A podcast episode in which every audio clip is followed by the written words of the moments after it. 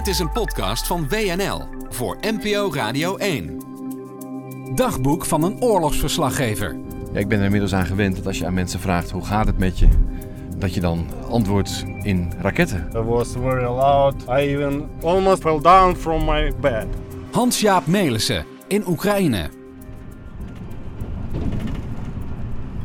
Ik heb Kiev weer verlaten vanochtend vroeg met de trein naar Zaporizhia. Het is 7 uur en 50 minuten. Zaporizhia ligt in het zuidoosten van Oekraïne. Kilometer of 40 van een front. Veel militairen in deze trein trouwens. Ik denk normale roulatie. Sommigen hebben verlof gehad, mochten even naar hun gezin terug of waar dan ook naar terug. Ik zag wat eh, emotionele tafereelen. Soldaten die uitgezwaaid werden door familie, vriendinnen, moeders, kinderen. Want eh, de leeftijd van de militairen in Oekraïne, omdat er zoveel vrijwilligers bijgekomen zijn, mensen die tot anderhalf jaar geleden een hele andere baan hadden, ja, die leeftijd loopt daar dus ook wel flink uiteen. En die zitten hier allemaal eh, zo'n beetje rustig om mij heen, met hun camouflagepakken aan, op hun telefoon te staren.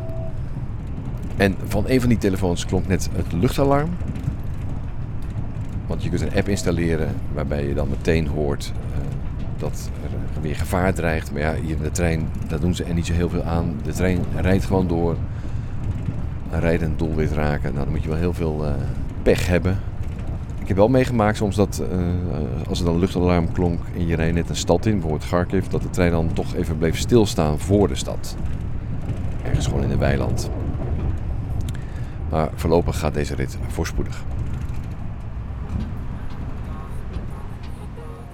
Is it Dutch? Ja, this is Dutch. Dutch? Do you understand this? Yeah? Yes, I, I do.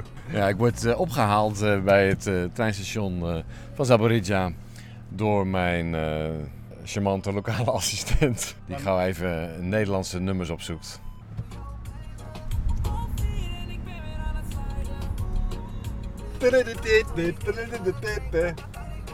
Якщо бажаєш, можу співати українською, але ти нічого не зрозумієш, це ж таке діло. Dan gaat hij gauw iets zeggen wat ik niet kan verstaan.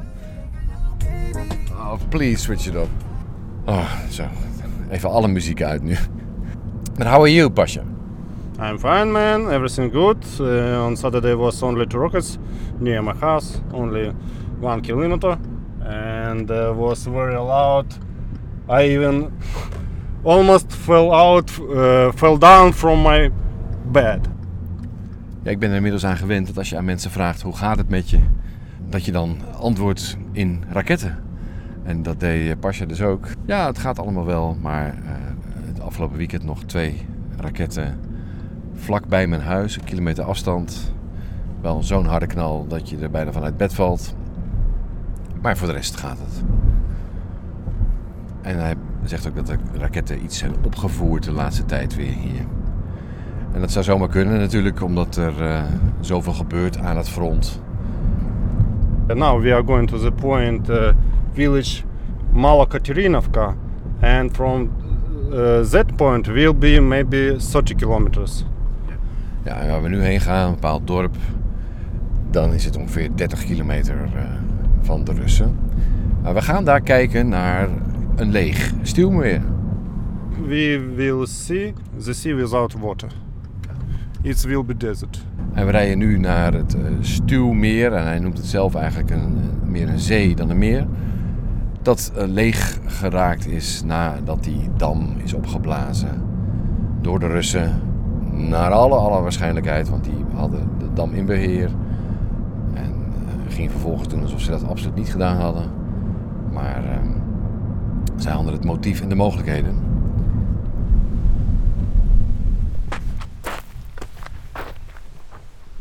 Dan zijn we gearriveerd bij eh, het Stuwmeer. Waar verderop de dam eh, is opgeblazen. Kort geleden. En het is echt enorm. Een enorme vlakte. In de verte zie je wat stofwolken draaien op die vlakte. Eh alhoewel hier ook nog een paar plassen staan. Op deze ja, bijna een soort woestijnachtige grond. Dat is waarschijnlijk van regenbuien van de afgelopen dagen. Verderop is het dus helemaal droog. Het is echt onvoorstelbaar. Het is zo'n groot gebied, want uh, ja, 200 kilometer lang is het meer ongeveer, iets meer zelfs. Breed 23 kilometer, maar er zijn ook heel veel smallere stukken. Maar het is ongelooflijk. En als je dan bedenkt, dit gebied waar wij nu staan, het dorpje aan de rand hier, ja, dat wordt dus geteisterd door dit, watertekort. Dat merken mensen zelf binnen in hun huizen, zeker als je hoger gelegen huizen hebt, geen waterdruk meer. Uh, er komen hier raketten binnen. De burgemeester van dit stadje heeft uh, net nog iets laten zien. Uh, twee dagen geleden hier grote raketten zijn neergekomen. Zonder mensen te doden trouwens, maar wel veel materiële schade. En de zorgen zijn hier dus voor de kerncentrale die verderop ligt. Verderop is dat nog wel iets van 50 kilometer. Vanaf dit punt dan. Daar heeft de burgemeester ook uh, evacuatieplan voor klaar liggen. Dus je kunt je voorstellen dat uh, iedereen in Oekraïne bezig was het afgelopen weekend met al die gebeurtenissen in, uh, in Rusland. Maar natuurlijk met één gedachte van ja, brengt dit een einde van de oorlog nabij? Nou, het loopt allemaal anders en die oorlog, ja, die duurt nog wel eventjes, denk ik.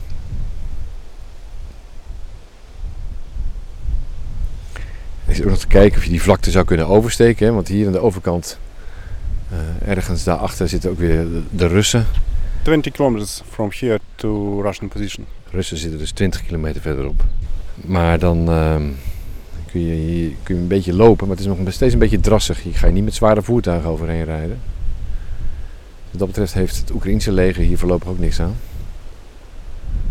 En je bent enorm kwetsbaar natuurlijk op zo'n vlakte. Ze zien je van verder komen.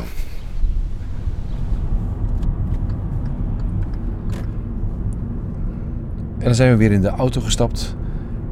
En we gaan nu onderweg naar uh, de stad Zaporizhia om uh, een hotel te zoeken. Ik heb nog niks geboekt, maar dat is in een oorlogsgebied niet altijd nodig, want uh, er is meestal veel plek. En dan gaat deze stad, die we nu weer naderen, een onzekere nacht weer tegemoet. Waar mensen ook wel weer aan gewend zijn dat dat zo is. Maar waar ze soms met een afstandje weer naar kijken en denken van ja, wat een rare situatie zitten wij in al anderhalf jaar eigenlijk. Deze oorlog waar geen Oekraïne om gevraagd heeft. En dan morgen is er weer een nieuwe dag en dan zal de oorlog mede bepalen waar ik dan naartoe ga. Dit is een podcast van WNL voor NPO Radio 1.